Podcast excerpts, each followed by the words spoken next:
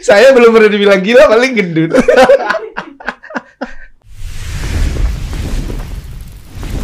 Five, four, three, two, one, and close the door. Saya lagi bersama dengan Kiai Haji Ahmad Fahrur Rozi. Ya, beliau ini adalah Ketua PBNU Bidang Keagamaan dan Wakil Sekjen MUI. Pertama, eh, sebelum mulai saya mau minta maaf dulu untuk kegaduhan yang kemarin yang terjadi juga Pak Kiai. Atau saya manggilnya Gus ya? Gus aja. Karena masih muda ya Gus. Masih muda. Iya, betul, Gus. Mohon maaf juga nih Gus, saya eh, karena kemarin melakukan sesuatu yang akhirnya bikin kegaduhan. Tapi kita mau diskusi sih Gus sebenarnya. Iya, iya. Karena menariknya dari berbagai macam berita, Gus itu mengeluarkan satu pernyataan yang membuat saya eh, senang, Gus. Yaitu ada sebuah pernyataan mengatakan bahwa satu kehilafan tidak menghilangkan semua karya-karyanya gitu. Iya. Itu kok tiba-tiba Gus bisa ngomong gitu? Saya berterima kasih sekali gitu, Iya. Gus. Iya, saya memang menganggap ini berlebihan emosi masyarakat ketika Mas Dedi sudah apa minta maaf, take down kok masih orang masih bersuara ramai. Saya bilang tidak boleh dong. Dia sudah minta maaf, dia sudah kesatria. Dia bilang ya sudah harus dimaklumi ya. Dan dia sebelumnya udah baik. Saya sering lihat podcastnya itu bagus. Itu kritis, dia saya bilang itu dia seorang mentalis hebat saya bilang. makanya saya bilang ya jangan terus kemudian salah satu kesalahan semua dibilang jelek Soalnya kan biasanya gitu ya, Iya, netizen gitu ya, iya, itu saya biasanya bilang. ada satu, wow bro, digoreng langsung, Iya, langsung begitu. digoreng. Semuanya dijelek, tidak boleh, jadi harus objektif.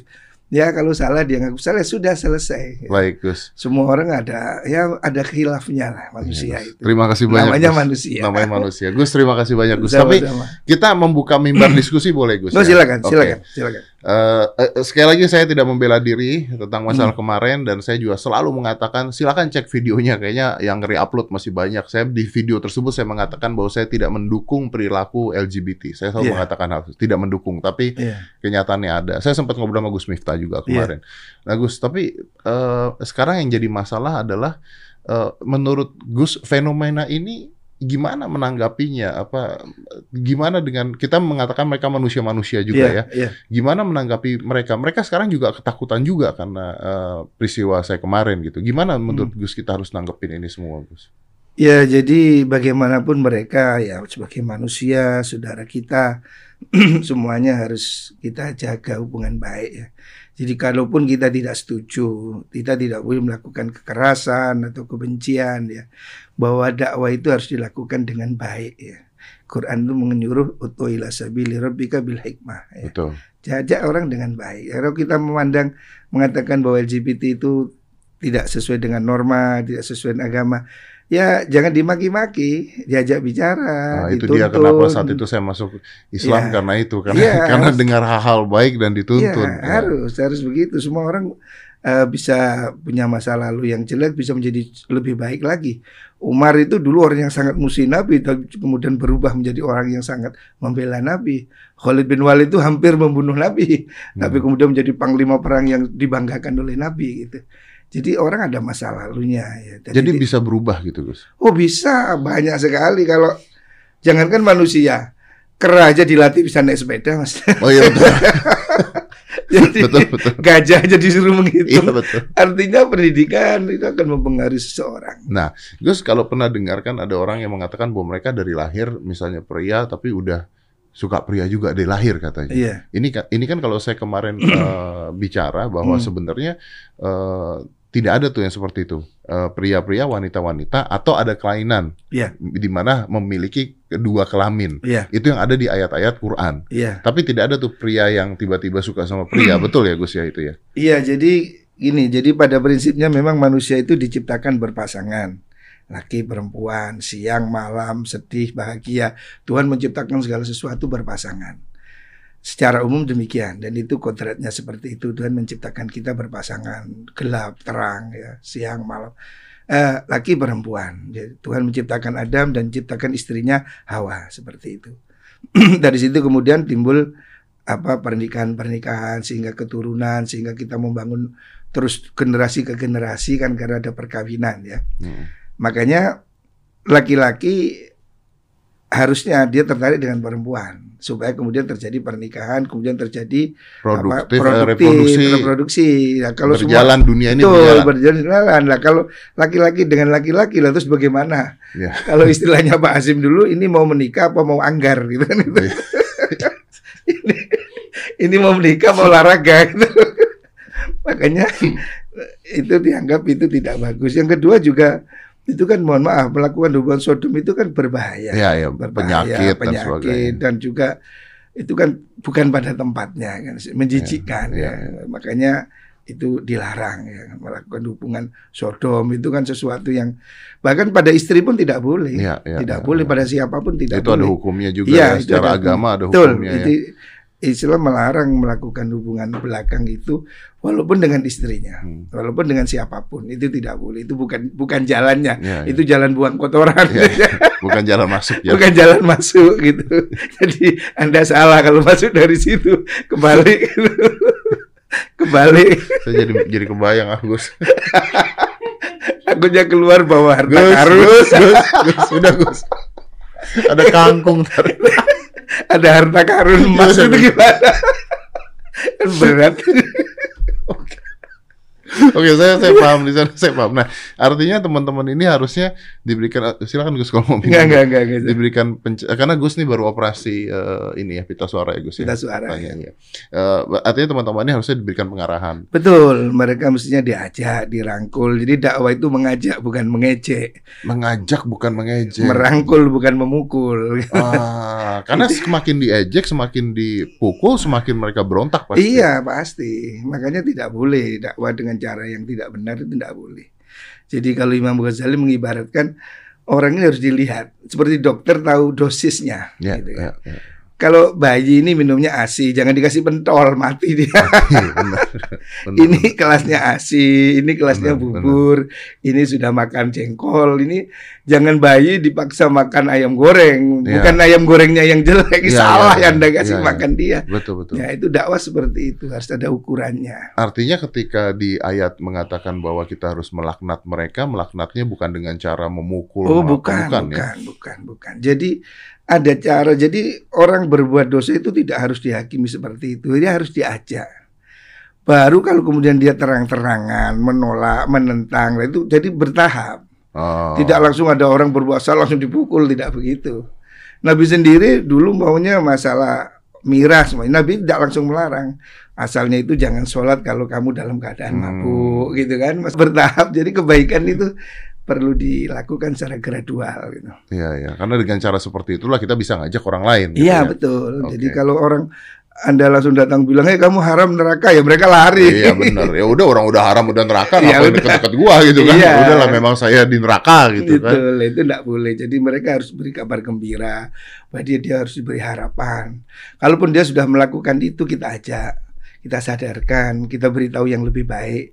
Barangkali itu menjadi kejelekan terakhir bagi dia. Oh Ya. besok dia berubah, ya kan? Dan kita nggak tahu sih apakah di luar itu sifat dia lebih baik dibandingkan kita. kita Oh iya, kita tahu. tidak tahu, kita tidak tahu. Makanya tidak boleh kita menghakimi orang kemudian hanya karena luarnya seperti itu ya.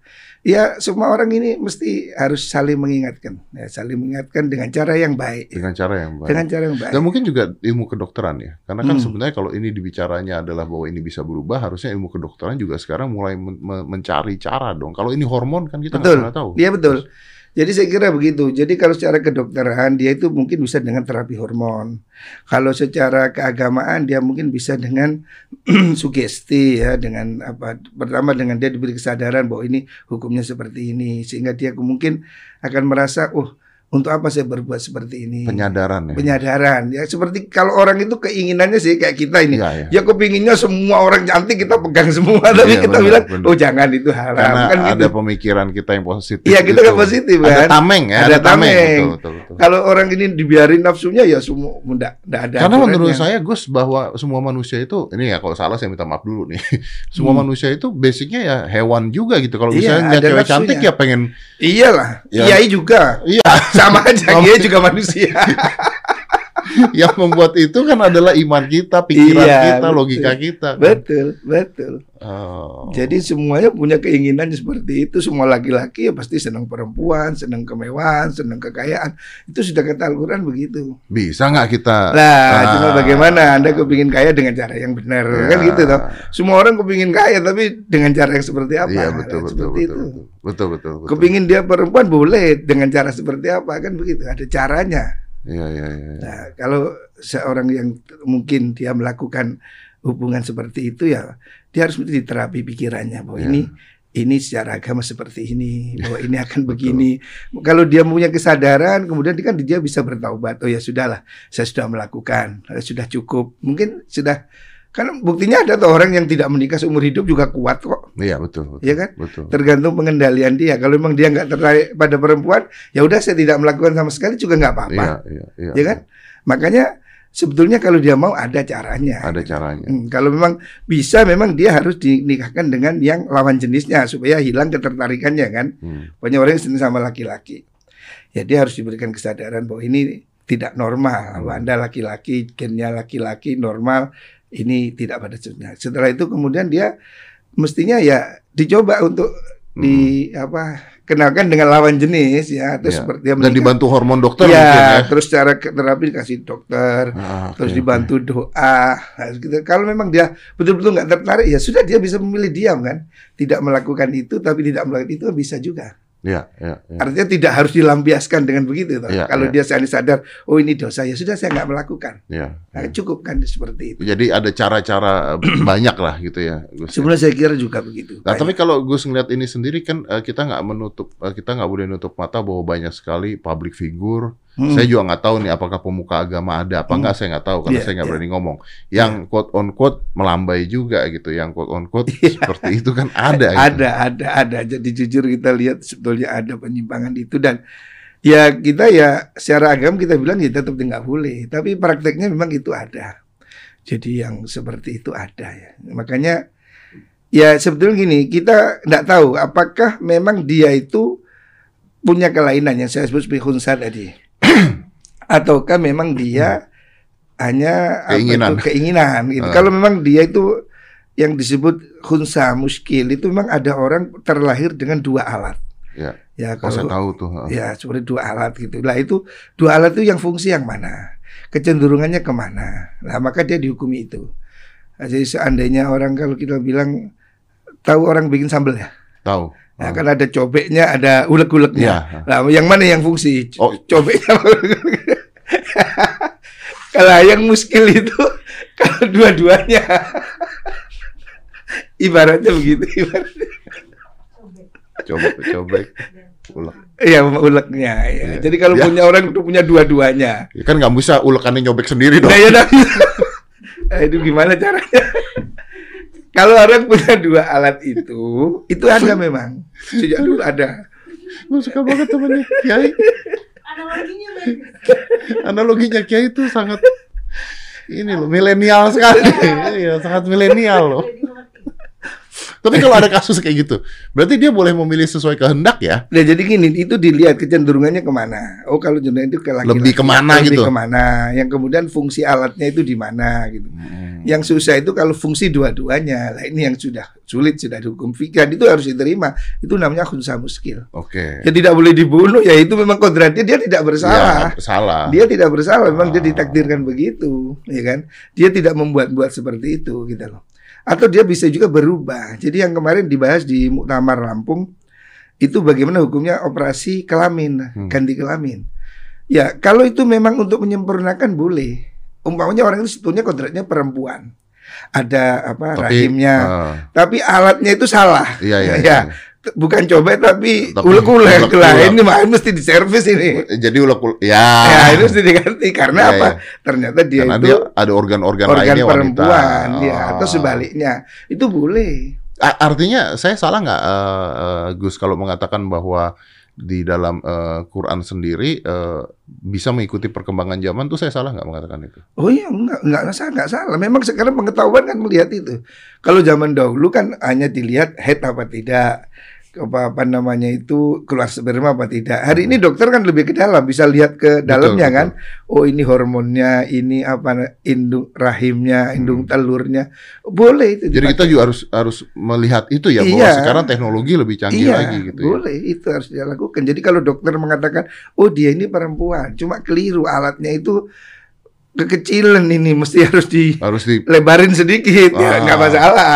Oke. Atau ini laki-laki, anunya nggak muncul, ya Iya, sudah iya. disambung aja. Padahal sebenarnya lebih enak zaman sekarang ya karena itu memungkinkan dong ya. iya, Kalau zaman dulu kan ya gimana mau mau diapain gitu. Zaman Iya, sekarang memu- ada, ada Ada, teknologi itu ada, gitu. ada. Kalau itu memang boleh dan itu disepakati. Artinya boleh. Gus kalau ini saya keluar dari ini semua saya bisa mengatakan bahwa agama pun bisa ketolong dengan teknologi. iya, iya. Ya sama seperti dengan sekarang Quran saya ada di handphone gitu. Ah, kan. iya begitu, kayak ya. begitu kan contohnya iya, kan. iya betul. Kita pergi ke Mekah naik pesawat, udah. I- Iya benar kan. kita dulu naik perahu. Belum tentu nyampe. Belum tentu nyampe. Kalau naik perahu. Iya dulu orang datang dari sana ke sini untuk dakwah naik perahu tiga bulan. Iya. Mas Dedi sekarang bicara di sini jutaan, Jutaan orang bisa orang. mendengar Iya, ya iya, kan. betul, betul, Nggak usah betul, naik betul. perahu Nggak kan. usah naik perahu. Ini perj- jihadnya Mas Dedi sekarang nih ya podcast ini. Dulu orang dari Arab ke sini hanya untuk menyampaikan satu kebenaran. Sementara Mas Dedi cukup dengan begini lebih banyak orang yang mendengar kan. Iya, iya, iya. Saya di pesantren dengan 1.500 santri, Mas Dedi dengan 15 juta orang. Iya, iya, iya, iya. Sekarang ada toa. Ada tuh. iya benar. Dulu teriak-teriak gitu Iya. kan. Ya artinya kita nggak boleh juga mengecilkan kemungkinan-kemungkinan karena kan Mm-mm. ya maksudnya kan dari dulu kan selalu ada positif negatif Iya, kayak misalnya obat atau vaksin atau apa Iya, itu kan. betul. Tapi keadaannya ya harus mengikuti ya. Betul, iya betul. Waduh. Susah juga Gus jadi Anda Gus. Enggak, kenapa? Tapi Gus coba saya mau contoh kasus Gus. Kalau Iya. seandainya orang tua nih gitu Hmm. atau bo- boleh nggak kalau saya contoh kasusnya saya menganggap eh, eh, Gus sendiri gitu. Iya, iya. Boleh ya? Misalnya Iya. Gus memiliki anak, Hmm, terus anaknya reveal ke Gus, hmm, "Eh, Pak, saya ternyata gay, Pak. hmm. Nah, apa yang Gus lakukan atau apa yang orang tua harus lakukan? tuh? Ya, ya. Dia mesti harus berbicara dengan bahasa kasih sayang bahwa apa yang kamu lakukan mesti harus dilakukan apa ya pendalaman mulai kapan, apa ini itu. Kalau memang itu merupakan kejeruan oh karena salah pergaulan. Kita Ya tarik. sudah jauhkan pergaulannya, ya kan? Ya, ya. Apa yang kamu oh karena baca-baca oh berarti sumber bacaannya yang harus diganti. Kan bisa jadi orang itu dari baca-baca kemudian jadi iseng umpamanya. Bukan dimaki-maki langsung ya? Ya enggak dong, jangan. Iya. jangan. Ya, jadi dia mesti harus diajak apa, mesti jadi kayak dokter itu kan mesti ditanya dulu, Iya. jangan asal orang ini langsung kasih botrek. Iya. kan Jadi, dia jadi kita tahu apa yang terjadi dan karena apa. ya? Iya betul, mestinya diketahui dulu apakah ini karena salah pergaulannya, apakah ini salah buku bacaannya, ataukah dia apa yang membuat orientasinya itu menjadi salah. Nah, kemudian baru itu dikasih obatnya. bahwa oh kamu mesti harus begini, ini begini. Kan ada juga yang mungkin karena lingkungan.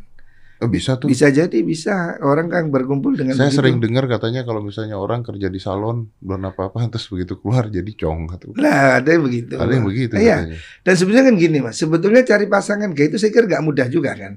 Coba kita mau melihat orang itu gay atau bukan kan Saya susah. nanya sama dia, Pak. Iya, Gus saya nanya Gus sama Iya. dia Gus. Gus lu gimana caranya tahu?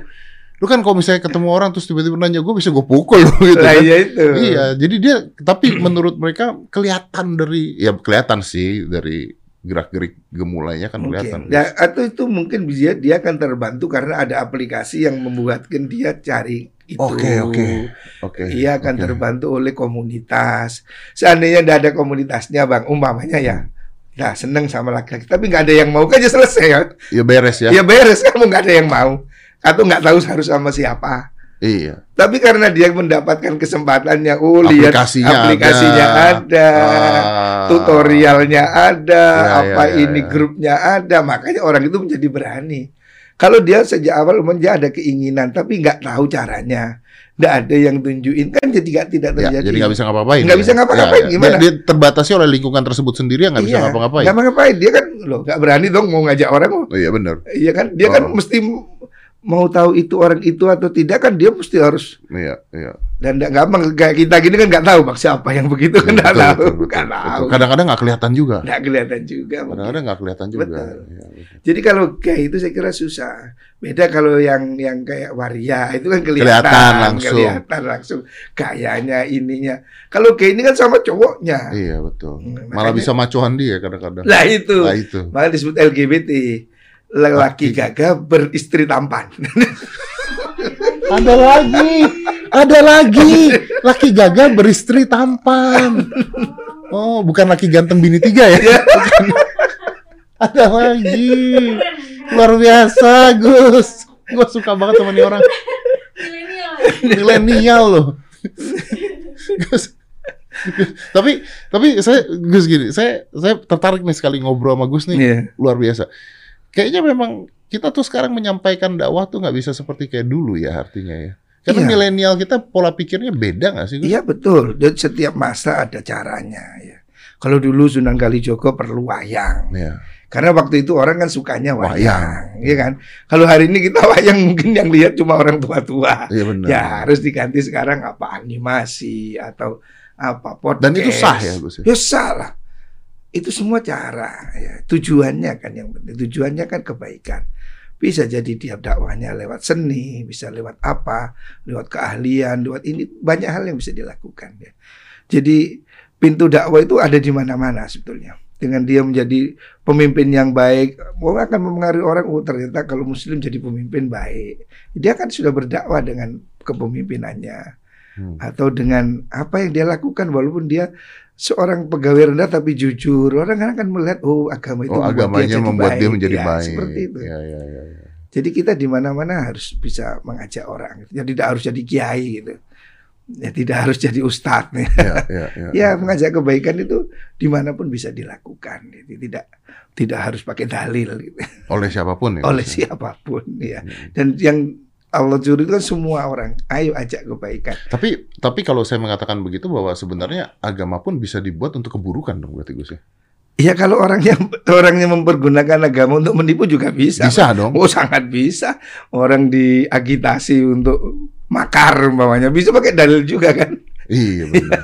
Itu Iya. orang diajak memberontak ya dikasih dalil, Dalil juga. juga. Iya. Iya benar. Akhirnya dia ngebom. Orang nggak salah dibom. Itu Iya. gimana? Dengan menggunakan nama agama. Dengan nama agama. Gak usah yang jauh-jauh gitu deh. Iya. Misalnya eh, umroh tapi palsu gitu. Ada palsu itu bodoh. itu Jadi- pakai nama agama juga. agama juga. Jadi malah ada satu ungkapan bahwa untuk mempengaruhi orang bodoh itu paling gampang dengan baju agama. Dengan baju agama. Iya, itu cara yang paling mudah untuk nipu orang bodoh.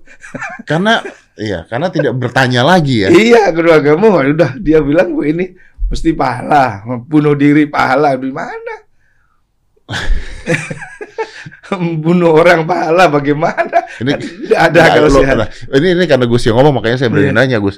Artinya kita sebagai orang yang beragama juga harus berpikir sehat. Oh iya, harus. Nggak bisa hanya buta agama doang. Oh tidak boleh, tidak boleh. Dia harus tahu kondisi seperti apa. Jadi tidak bisa dikebiauya ya. Dalil-dalil itu ada ada kontekstualnya gitu ya. Ya seperti contoh begini. Dulu uh, Nabi menyuruh orang jangan apa jangan orang kencing hadap ke utara. Karena waktu itu kiblat di sana hadap ke utara, Mas. Di Nabi saat itu ya. di, di, di, di sana di, Di- oh, sorry, Madinah di, di ya. Madinahnya betul. Iya. Ya kalau Nabi bilang maka hadaplah barat. Kalau sekarang kita konteks hadap barat loh malah hadap ke apa? iya benar. Benar. gitu loh. Itu, Itu yang kayak makan pakai tiga jari ya. Iya. Kalau soto godok kan susah Nah, ya. ya susah, Mas Soto gimana makannya? Jadi itu harus ada konteksnya, oh difahami seperti apa. Ya sama dengan soal jenggot umpamanya, Ah, ah. kan juga begitu kan.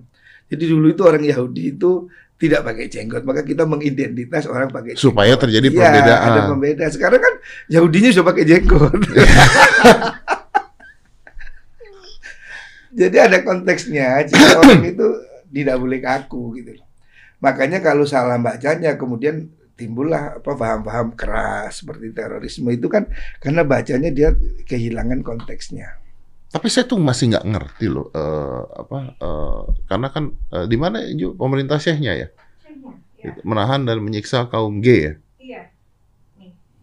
ISIS juga kan katanya dibunuh-bunuhin, dilempar dari mana dan sebagainya. Nah, sebetulnya hukum itu ditegakkan ketika dia itu harus melalui pengadilan. Jadi dia melalui proses, ya kan? Seperti orang ada hukuman banyak hukum potong tangan atau hukum apa pun, itu kan nggak bisa langsung diteruskan semua orang. Kalau ada orang langsung dipukul kan nggak boleh Nggak begitu. bisa begitu. Harus dibuktikan di pengadilan, ya kan? Kemudian bagaimana dia harus ada proses. Ya, dia kan disuruh bertobat, disuruh menghentikan. Baru pada langkah-langkah terakhir baru hukuman kan seperti itu. Ada step by step. Ada step by step, tidak asal orang kelihatan gue langsung dibunuh, nggak boleh, Ya, ya, ya. nggak boleh. Jadi mesti dia seperti orang nggak boleh minum homer, kemudian nggak boleh langsung ada orang homer dipukul, nggak boleh. Dia harus dihadapkan ke pengadilan, ada buktinya, ada ininya, ada begitu. Jadi seperti hukum pada gay itu memang ada hukumnya ya. Jadi orang gay itu dihukumi sama dengan zina. Maksudnya orang melakukan sodomi ya. Tapi kan harus dibuktikan dulu di pengadilan. Ada saksinya nggak? Terbukti nggak? Gitu. Nggak asal orang kelihatan gay langsung dipukul nggak boleh. Nggak boleh. Dan itu hanya boleh dilakukan oleh institusi negara. Karena kita negara Jadi mana pun itu hak itu itu kewenangan negara. Nggak boleh orang sipil menegakkan hukum nggak boleh. Ya seperti kita ini ke jalan langsung ngatur jalan kan nggak boleh Ya, itu ya, tugasnya ya, ya, polisi. tugasnya polisi ya, kan, betul, ya. betul, betul. Jangan jadi, polisi oh, sendiri. jangan jadi polisi sendiri. Ya, ya, ya, ya. Jadi seperti menegakkan hukum itu ada pengadilan. Nggak bisa langsung kita hukum ada orang berzina langsung kita pukul nggak boleh. Dia kan harus melalui proses yang menentukan hukumnya kan hakim, pengadilan berdasarkan saksi, misalnya seperti itu. Jadi tidak barbar asal orang dipukul nggak boleh, nggak boleh. Gus, tapi apa yang membuat saya mau tanya gini, Gus? Ini keluar konteks nggak apa-apa, Gus? Iya Ya? silakan. Apa yang membuat orang misalnya diberikan dalil agama lalu dia bisa ngebom bunuh diri? Nah, maksudnya gini, kalau saya berpikir Hmm, kalau saya diajarin gitu saya nggak mau karena nggak masuk akal di otak saya. akal, ya. Tapi banyak orang yang kebawa kan. Iya Nah, karena anda ber, ap- apa yang membuat orang bisa berpikir itu benar gitu, Gus? ya karena dia bodoh. Kalau dia punya akal sehat sedikit aja kan ngapain lu ngajarin gua bunuh diri? Lu aja mati dulu kan gitu. Iya, iya, iya. Kiainya suruh ngebom dulu. iya benar. Tapi apakah ada ada ada ini, Gus? Apakah ada ada cucuk otak terus menerus? Mungkin nggak itu ya, Gus? Itu ada ya, jadi memang ada kesalahpahaman ya. Dan itu memang kalau seperti kasus ISIS itu sebetulnya kan ada pihak-pihak yang memang ingin memperkeruh negara itu dengan Betul. membiayai satu Betul. pihak. Ya, Padahal sebetulnya- mungkin bukan itu gitu kan. bukan, Ya, Jadi, tapi itu memang ada permainan apa yang politik lah ya. politik, yaitu ada konspirasi.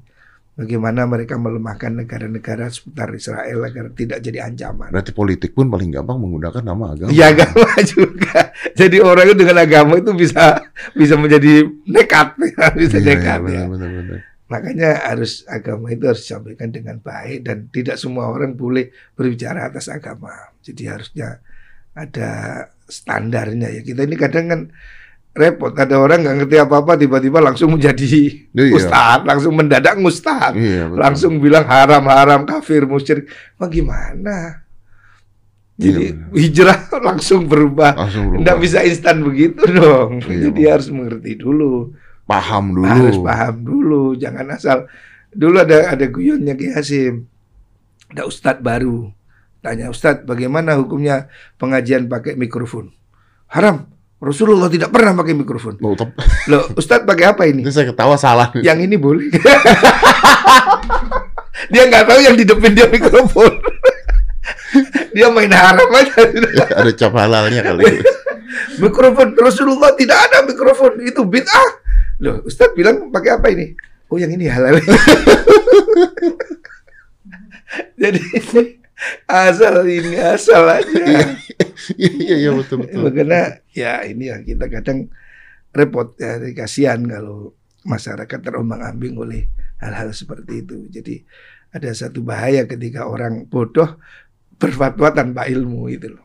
Iya, betul. itu yang di- dikhawatirkan oleh Nabi bahwa pada zaman itu akan berakhir ketika orang pintar habis mati mati akhirnya kemudian tinggal orang goblok-goblok ya ini menjadi pemimpin dan dia memberi fatwa tanpa ilmu dan sesat menyesatkan sudah. Orang bodoh berfatwa tanpa ilmu didengerin sama orang bodoh juga. Iya, Nah, ya, itu jadi sesat menyesatkan. Jadi sesat menyesatkan. Iya akhirnya menjadi ya itu menjadi sangat apa menyedihkan ya Ya, seperti yang terjadi di beberapa kasus yang kita lihat ya kayak yang kekerasan kekerasan itu ya karena dia nggak sebetulnya nggak nggak ngerti agama dengan baik gitu.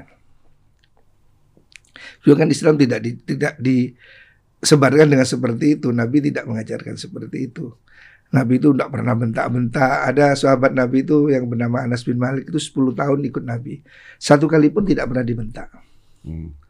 10 tahun jadi pembantu Nabi tidak pernah dibentak.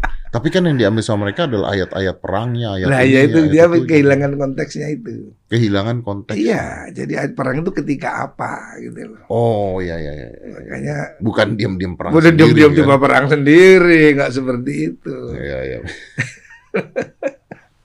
Nah Gus, kalau Gus kan eh, Gus Fahrur ini eh, punya pondok pesantren di Jawa Timur. Iya. Ini eh, mereka yang masuk ke dalam pesantren itu yang pertama kali diajarkan ini apanya Gus? Agamanya, manu kemanusiaannya, takwanya pada Allah atau eh, apa yang pertama kali eh, maksudnya yang paling penting untuk Gus tanamkan itu apanya? Ya, dia harus diajarkan pertama itu tauhid, keesaan Tuhan, Hmm. Oke. bahwa dia harus mengesahkan Tuhan, dia bertauhid. Kemudian dia kemudian setelah dia bertauhid dengan benar, dia kan beribadah dengan benar. Ya.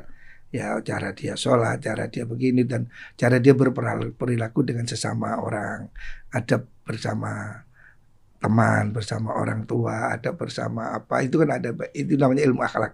Jadi garis besarnya itu ada syariah ya. Ilmu syariah ini ilmu yang mengajarkan tentang hukum-hukum halal haram ya.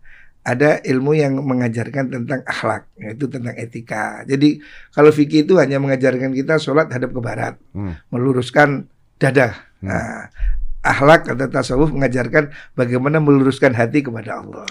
Nah, Oh, oke oke oke oke. Saya saya mencoba untuk memahami. Oke oke. iya. Iya, iya, iya, iya. Jadi yang satu lebih ke yang satu lebih ke Oh, aturan, iya, iya. yang satu lebih ke pemikiran. Iya, ya? pemikiran, ke perilaku, akhlak gitu. Jadi dia harus jadi baik. Nah, dia menjadi orang yang soleh gitu kan. Yang paling sulit tuh yang mana, Gus? Apakah yang paling sulit adalah mengajari aturan atau pemikiran? Ya, sebenarnya akhlak itu yang lebih suci. Akhlak yang lebih sulit. ya. Jadi itu lebih penting daripada apa di atas ilmu itu akhlak. Karena kalau aturan Anda bisa terlihat sebagai orang yang sangat agamis. Bisa, bisa. Tapi- semua orang bisa beli kopiah putih, Iya, semua orang bisa beli serban. Semua bisa pura-pura sholat, ya pura-pura puasa, semua bisa. Tapi orang itu puasa benar atau enggak itu kan hatinya, oh saya sedang berpuasa. Iya. Kalau dia pura-pura puasa juga bisa. Iya, karena itu yang dilihat orang di luarnya Iya, ya. iya luarnya. Makanya adab atau akhlak itu lebih penting dari ilmu gitu. Nah, itu diajarkan di pesantren bagaimana orang menghayati itu. Iya, iya, iya. Nah, oke. Dengan banyaknya anak-anak di pesantren, ad- eh, gimana Gus caranya untuk membuat mereka terhindar dari misalnya penyimpangan-penyimpangan deh, kayak yang, maaf yang kayak kemarin-kemarin gitu. Apakah ada tuh Gus? Jadi gini kalau di pesantren di samping dari segi pendidikan ya dari pendidikan ini kita ajarkan akhlak bahwa ini tentang halal haram, Hmm. ini boleh tidak boleh ya. Dan juga kita dari lingkungannya kan kita sterilkan mas. Di pesantren itu kan laki sendiri perempuan sendiri. Betul. Terus kemudian mereka tidak bawa HP. Oh. Di pesantren tidak boleh bawa HP karena mereka bisa janjian keluar. Jadi di pesantren itu agak ini ya. Jadi anak di pesantren itu kalau belum jadi pengurus, jadi guru, tidak boleh bawa HP supaya dia concern, supaya dia tidak keluar-keluar, tidak terganggu pemikirannya seperti itu. Dan akhlaknya dikencangkan supaya mereka malah tidak terjadi penyimpangan kelainan Oh seksual iya, iya, juga dong. iya, berarti iya betul. Ya, itu itu juga diajarkan bahwa itu tidak boleh berhubungan sama laki-laki sejenis itu tidak boleh. Kalau di pesantren itu ada istilahnya amrot atau mairil gitu. Zaman dulu istilah begitu. Jadi seneng sama anak laki-laki ganteng gitu. Itu Oh, itu a- ada hukumnya tidak boleh, jadi dilarang gitu. itu dilarang. Makanya dikumpulkan yang kecil sama kecil, yang besar sama besar gitu. Oh, Oke oke dipisahkan, Dipisahkan. ya. Ini anak kelas SMP, ini kelas SMA. Oh, gitu. dipis. Oh, iya karena Asramanya itu supaya nggak ya ya. Jadi Iya. jadi sebelum belum apa-apa udah ada ini ya preemptif untuk tidak terjadi apa-apa Iya, dulu jadi gitu ya. anak kelas SMP itu asramanya sendiri, anak SMA asramanya sendiri. Jadi yang gede sama yang kecil supaya pisah, supaya pengawasannya mudah. Kadang kalau anak gede sama kecil kumpul kan, yang kecil disuruh suruh. Iya, iya, iya, betul, betul. Akhirnya itu. terjadi sesuatu Iya, yang nggak diinginkan. iya, Gus, betul. Ikutin berita ini nggak sih? Saya lupa lagi namanya. Eh, Ju inget gak sih Ju yang waktu itu ketangkep yang eh, mengaku pemuka agama tapi memperkosa belasan Oh iya di Bandung itu. di Bandung tuh. Di Bandung. Itu siapa namanya? Hah? Ferry, iya. Ferry ya. Itu Harry ya. Itu berapa berapa sampai 20 lebih dan sebagainya. itu ya kita tahu itu kenapa bisa seperti itu ya.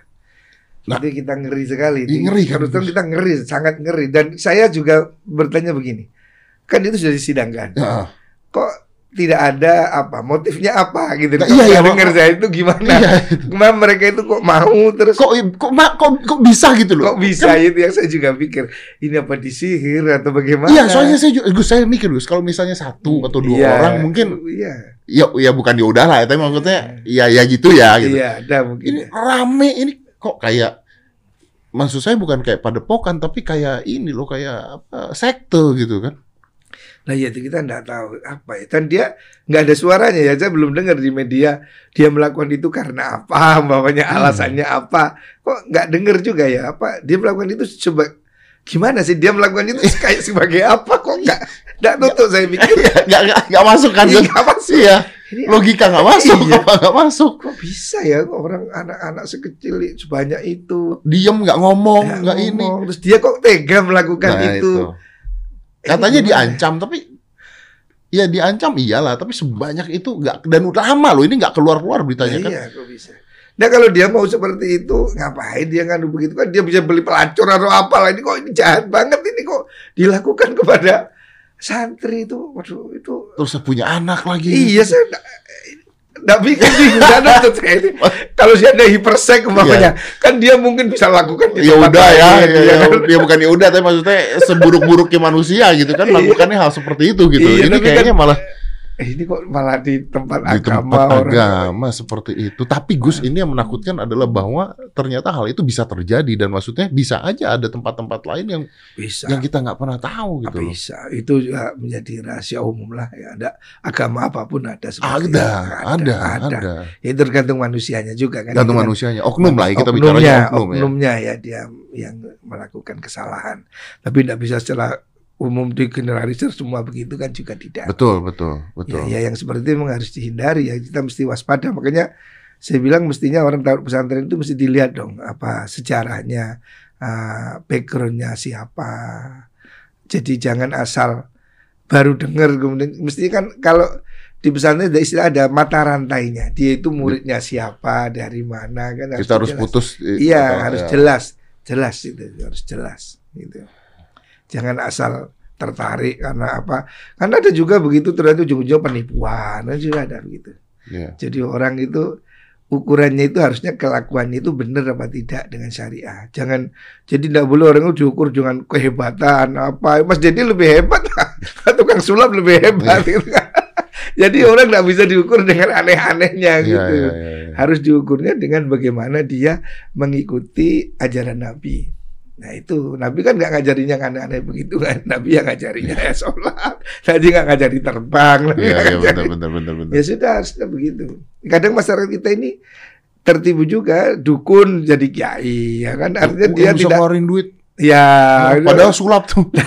ya kayak dulu di Probolinggo. iya, saya tuh nonton pertama kali ya. Saya ngeliat, aduh ini tuh sulap banget gitu kan. Nah, Ini itu. orang main sulap, tapi kok ya orang-orang percaya gitu maksudnya. Iya itu kan banyak pengikutnya. Banyak, Gus. Sementara kita main sulap dibongkarin mulu rahasianya. kita main sulap nih. Iya. Dibongkarin rahasianya sama orang. Iya. Ini orang main sulap. Dipuja sama orang. Dipuja karena pakai- Disembah-sembah. Karena pakai sorban. Karena saya nggak berani ngomong tuh. Aduh. Dipuja-puja gitu. Iya itulah makanya itu bisa jadi kedok yang berbahaya agama itu juga. Ya, itu kan banyak kasus seperti itu mas. Sudah banyak sekali penipuan gendam-gendam seperti itu banyak. Berarti gue sebagai seorang pemuka agama tugasnya berat sekali. ya. Ya kita sering ingatkan seperti itu bahwa orang itu harus dilihat objektif ya. Bagaimana dia apa kelakuannya seperti apa. Jadi nggak dilihat anehnya gitu.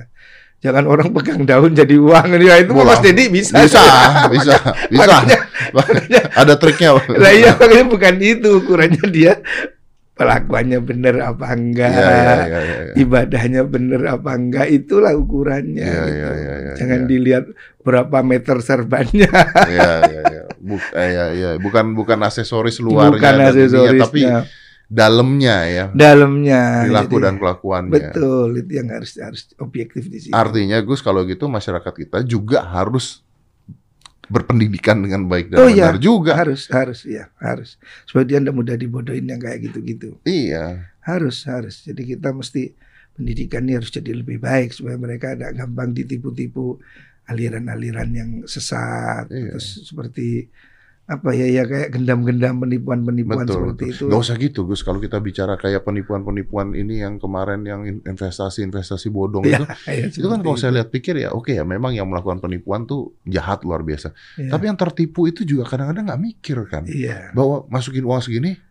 Dapat untungnya segitu. Itu dari mana matematikanya? Dari mana dapat untung segitu Betul, gitu loh maksudnya. Betul. Kalau berpikir positif ya, Betul, itu kan kelas kota investasi. Kalau di kelas desa itu namanya bank goib katanya. bang, oh, mm, bener.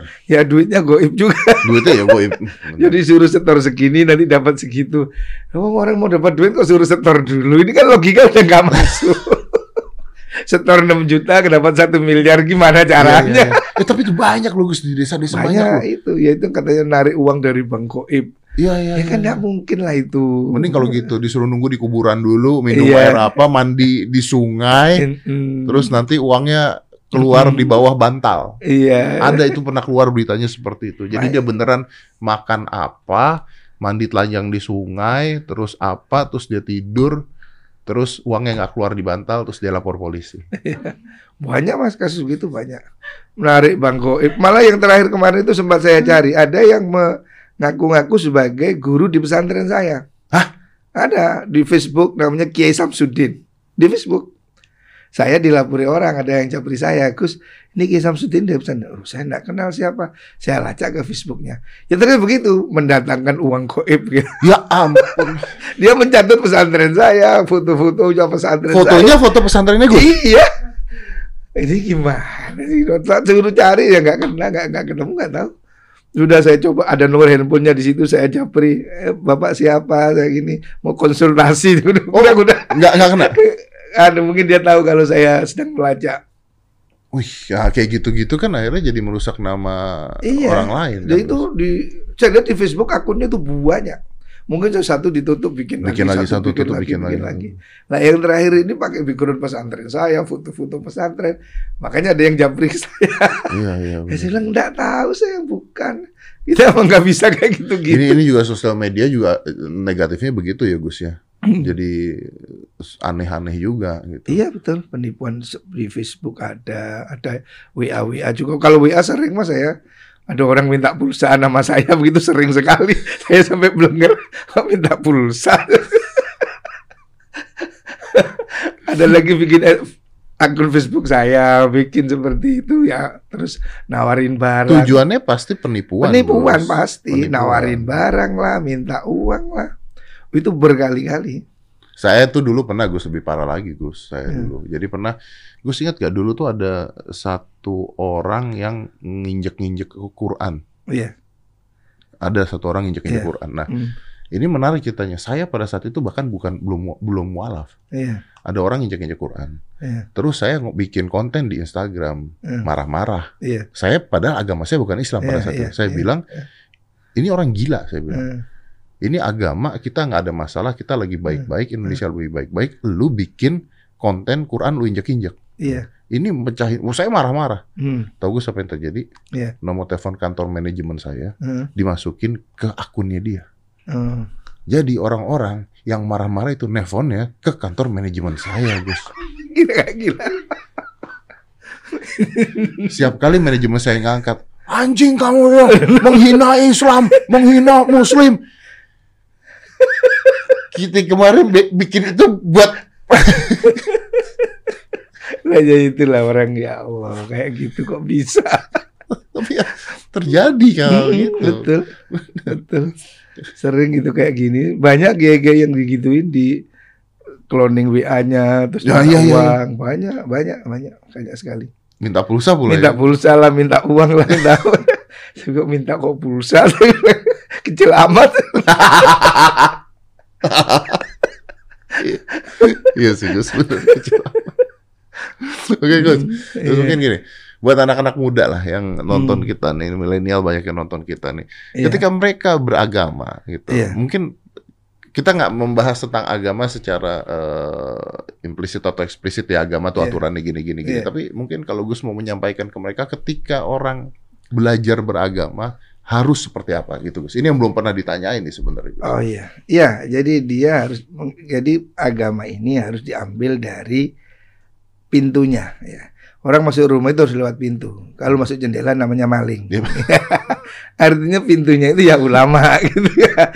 Jadi belajarnya dari orang yang benar, dari sumber yang benar. Gitu. Jadi rumah itu harus dimasuki lewat pintunya. Oke. Nah, jadi jangan belajarnya itu dengan apa ya cara-cara instan dengan browsing dengan apa takutnya keliru Iya. Ustadz gadungan-gadungan Iya. atau yang pahamnya paham apa kan banyak orang menjadi salah karena keliru itu gurunya salah Iya kan iya gitu. betul betul betul. Dia betul. mengajarkan hal-hal yang tidak benar ya makanya dia harus belajar Islam eh, dari sumbernya ya sumbernya itu ya para ulama orang-orang yang memang punya kapasitas keilmuan ya dan memang kelakuannya itu benar ya jangan dilihat anehnya tadi itu melihat bahwa dia memang menjalankan agama ini dengan benar. Dia dia tidak nipu dia tidak bohong dia tidak cabul dia begitulah. Iya, iya, benar, mesti benar. harus dilihat faktanya seperti itu. Ya kalau hari ini sebetulnya sih kita di Indonesia kan sebetulnya kan ada ormas-ormas yang sudah mapan ya. NU Muhammadiyah sebenarnya kan sudah ada Ya. sudah ada apa kelompok-kelompok yang sudah jelas lah Yang identitasnya sudah lama sudah dari Iya. dulu sudah sudah sudah jelas lah ya intinya. jadi ya. jangan coba-coba jadi ibaratnya Tapi itu saja pesantren Gus masih dicatat masih dicatut. Ibarat orang makan nasi kita ini jangan terus ada orang ayo nyoba makan sabun di jauh kan aja udah kita dah dulu makan nasi enak ya sudah lah gitu. Itu aja masih dicatut. Oh ya berani gitu loh. Aduh, Iya, mas saya lihat sendiri di Facebook ada itu. iya tuh kok berani gitu loh. Kan itu. Gus terlalu baik. Nggak tahu tapi ya seperti itu bang. Ya orang ya. Ya saya ada foto-fotonya juga di situ. Foto, nggak tahu foto orang itu atau foto orang lain ya. Kadang-kadang foto orang lain Gus. Bisa jadi, bisa jadi. Foto Tapi- orang lain. Mungkin bisa jadi. Tapi ya yang saya sesalkan itu kok foto pesantren saya mulai depan sampai belakang itu ada semua. Jadi seakan-akan dia guru di pesantren saya. Aduh ini Dan gimana? itu udah pasti berhasil tuh nipu berapa orang udah dapet. Mungkin ada yang dapat maka karena sudah ada Ada yang, yang jap- komplain. ada yang japri ke saya. Iya benar. Maka saya loh siapa saya tidak kenal. Oh itu saya kenal di Facebook tuh saya cari. Loh iya memang ada. Iya benar, benar ya, benar, ya. Jadi oke, jadi artinya eh, belajar dari pertama pintunya harus baik dulu, harus Iya, ha- benar. harus benar ya, iya harus benar. yang benar ya. Terus ya kita lihatlah maksudnya eh, perilaku ya, ya. Perilakunya iya. perilakunya. ya. perilakunya harus benar. Jadi kalau dia dia mengajarkan kejujuran dia jujur gitu. Jangan dia mengajarkan jujuran tapi dia nipu. Ya. Jangan dia mengajarkan kesabaran tapi dia tukang gaprak orang kan Iya. gimana? Nabi itu kan disebut sebagai uswah, bukan mau itu. Kan Quran mengatakan Rasulullah itu adalah sebagai contoh, bukan pidato, contoh. Jadi Nabi itu contoh yang baik gitu. Bukan sekedar pidato yang baik. Kalau pidato bisa saja orang bilang suruh dermawan tapi dia pelit. Ya, Orang nyuruh sabar tapi dia galak. betul, betul, betul. Jadi kalau Nabi itu nyuruh sabar dia memang sabar. dia dia nyuruh dermawan dia memang dermawan. Betul. Itu, contoh. betul, Jadi ajari manusia itu dengan contoh bukan dengan ucapan, Iya, tapi dengan betul. perbuatan. betul, betul. Nah itu yang di, makanya Nabi sebagai uswatun hasanah. Nabi itu contoh yang baik, Contoh teladan. yang baik. Ah, Ya. oke. Al-Quran mengatakan laqad kana lakum fi Rasulillah uswatun hasanah. Dan pada diri Rasulullah itu terdapat contoh teladan yang baik. Jadi dia tidak berpidato, dia itu Dia mencontohi. itu- jadi belajar eh, seperti anak kecil aja ketika dia ngomongin sama orang tuanya ya mungkin dia nggak dengar ketika dia ngeliat perilaku orang tuanya itu yang dia lakukan Iya. itu yang dia contoh Iya ya, Gus. betul. Makanya harus dia harus cocok kelakuannya. Jadi kalau dia mengajarkan kebaikan dia harus Dia harus baik. baik omongan sama perilaku Harus cocok. Kalau dia mengajar orang beribadah dia nggak beribadah ya jangan. Iya. Itu bohong itu kan. jualan Itu jualan. Itu Nyuruh jualan. orang dermawan dia pelit itu Iya, kan. jualan itu Itu jualan. Oh, iya benar itu jualan tapi Gus Iya. sekali lagi saya terima kasih banyak buat kehadirannya eh, Gus Hmm. ini saya merasa sangat amat terhormat eh, bisa ngobrol sama Gus juga Saya sangat amat sekali. terhormat dan saya baru ngobrol sama Gus dan ternyata ini asik banget. Jarang jarang lah ada orang-orang yang apalagi dengan pengetahuan eh, seperti ini dengan kredibilitas seperti ini yang ngobrolnya bisa masuk ke kalangan milenial, is fun, is funny, tapi masuk gitu. Jadi jarang banget. Saya awalnya nggak berpikir Gus tuh seperti ini, tapi ini luar biasa. Ini, nah kalau mau masuk belajar dari agama yang pintu yang benar, ya mungkin silakan salah satunya, tapi bukan yang di Facebook ya. Nanti ada ketipu pulsa Dan sekali lagi Gus, maksudnya saya juga eh, sekali lagi saya minta maaf buat semuanya. Gus juga, maksudnya kalau eh, apa yang saya lakukan kemarin itu ternyata membuat kegaduhan lah, membuat kegaduhan seperti itu. Tapi juga saya juga mau titip pesan juga buat para netizen atau orang-orang yang mengatakan eh, stop mempromosikan eh, LGBT. Ya, Anda stop bikin itu trending. Iya betul. Orang Anda yang bikin itu trending. Iya betul, betul, betul, betul, ya. Udah dihapus sudah ngomong terus. Iya ngomong begitu. Harusnya dia uh, memulai dari dirinya. Iya, betul. Makanya kayak Nabi menyuruh orang Jumatan itu jangan nyuruh orang diem, kamu diem dulu. Nanti kalau semua orang eh diem diem rame malah jadi. Oh iya benar. Jadi maka Nabi bilang kalau kamu masuk Jumat ada khutbah maka jangan nyuruh orang diem, kamu yang diem. Kamu yang diam Iya, ya. ya, itu Iya benar benar benar benar. Saya setuju. Kalau Jadi kita kayak- tidak bisa merubah orang lain, kita setidaknya kita merubah diri kita Iya, supaya jadi mulai- contoh orang lain betul. melihat ya Gus ya. Bahwa kalau semua orang terus eh diem, sana diem ya jadi rame, nggak nggak jadi diem Nggak namanya. jadi diam. Diem dimulai dari kita dulu, ya kita diem, nggak yang lain jadi diem kan. Diam dimulai dari kita dulu. Wah, Iya. gila. Dan saya mengapresiasi Mas Dedi itu saya senang. Saya sejak dulu saya senang sama Mas Dedi ini. kasih banyak. Sangat kreatif, cerdas lihat wah ya, bahasanya kepleset kan. luar biasa. Ya namanya manusia ya ada keliru sedikit itu biasa. Namanya manusia, Mas. Kalau nggak salah sama sekali itu malaikat. Iya. Kalau salah semua itu setan. Oh iya. Yang namanya manusia itu ya ada dua-duanya. Ya ada salahnya, ya ada benernya. Ini memang manusia.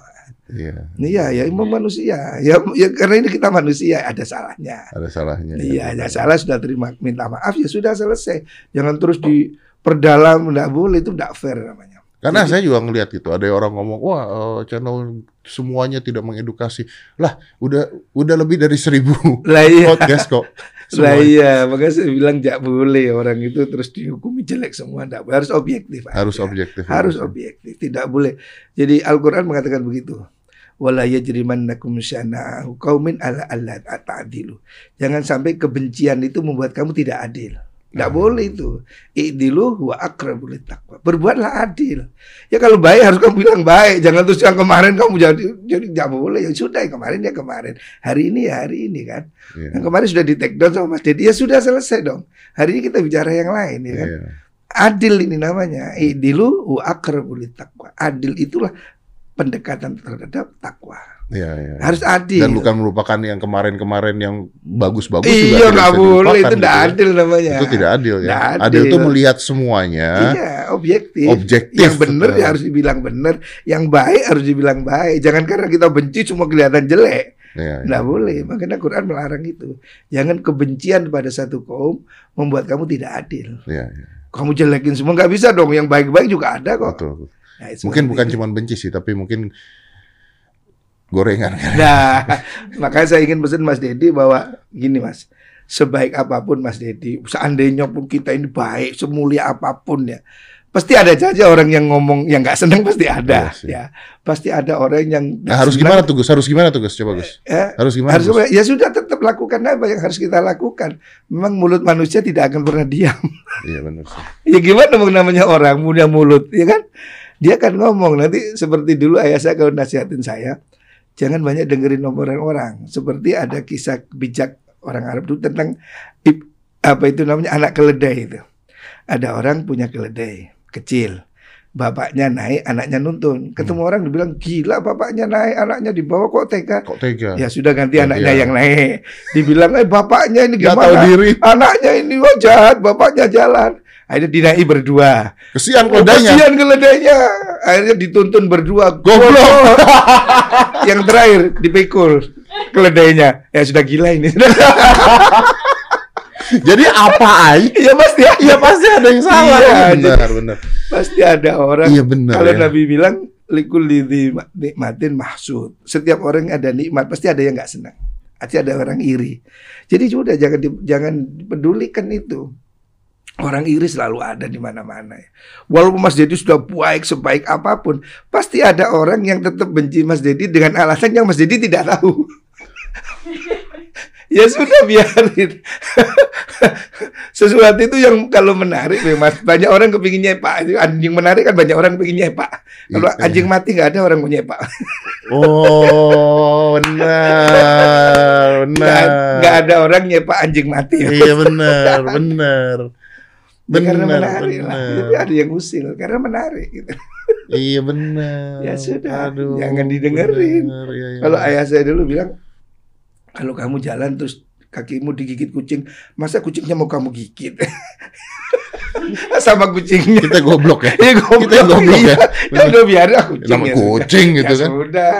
Iya sih. Jadi kalau ada lagi ya saya bilang kalau pohon pisang kamu tahu pohon pisang itu kalau dilempari kotoran sapi tambah kurus apa tambah gemuk? Tambah gemuk, Iya itulah. Jadi itu kebencian anggap sebenarnya sebagai pupuk aja. tambah besar. Nah kita kan tambah besar.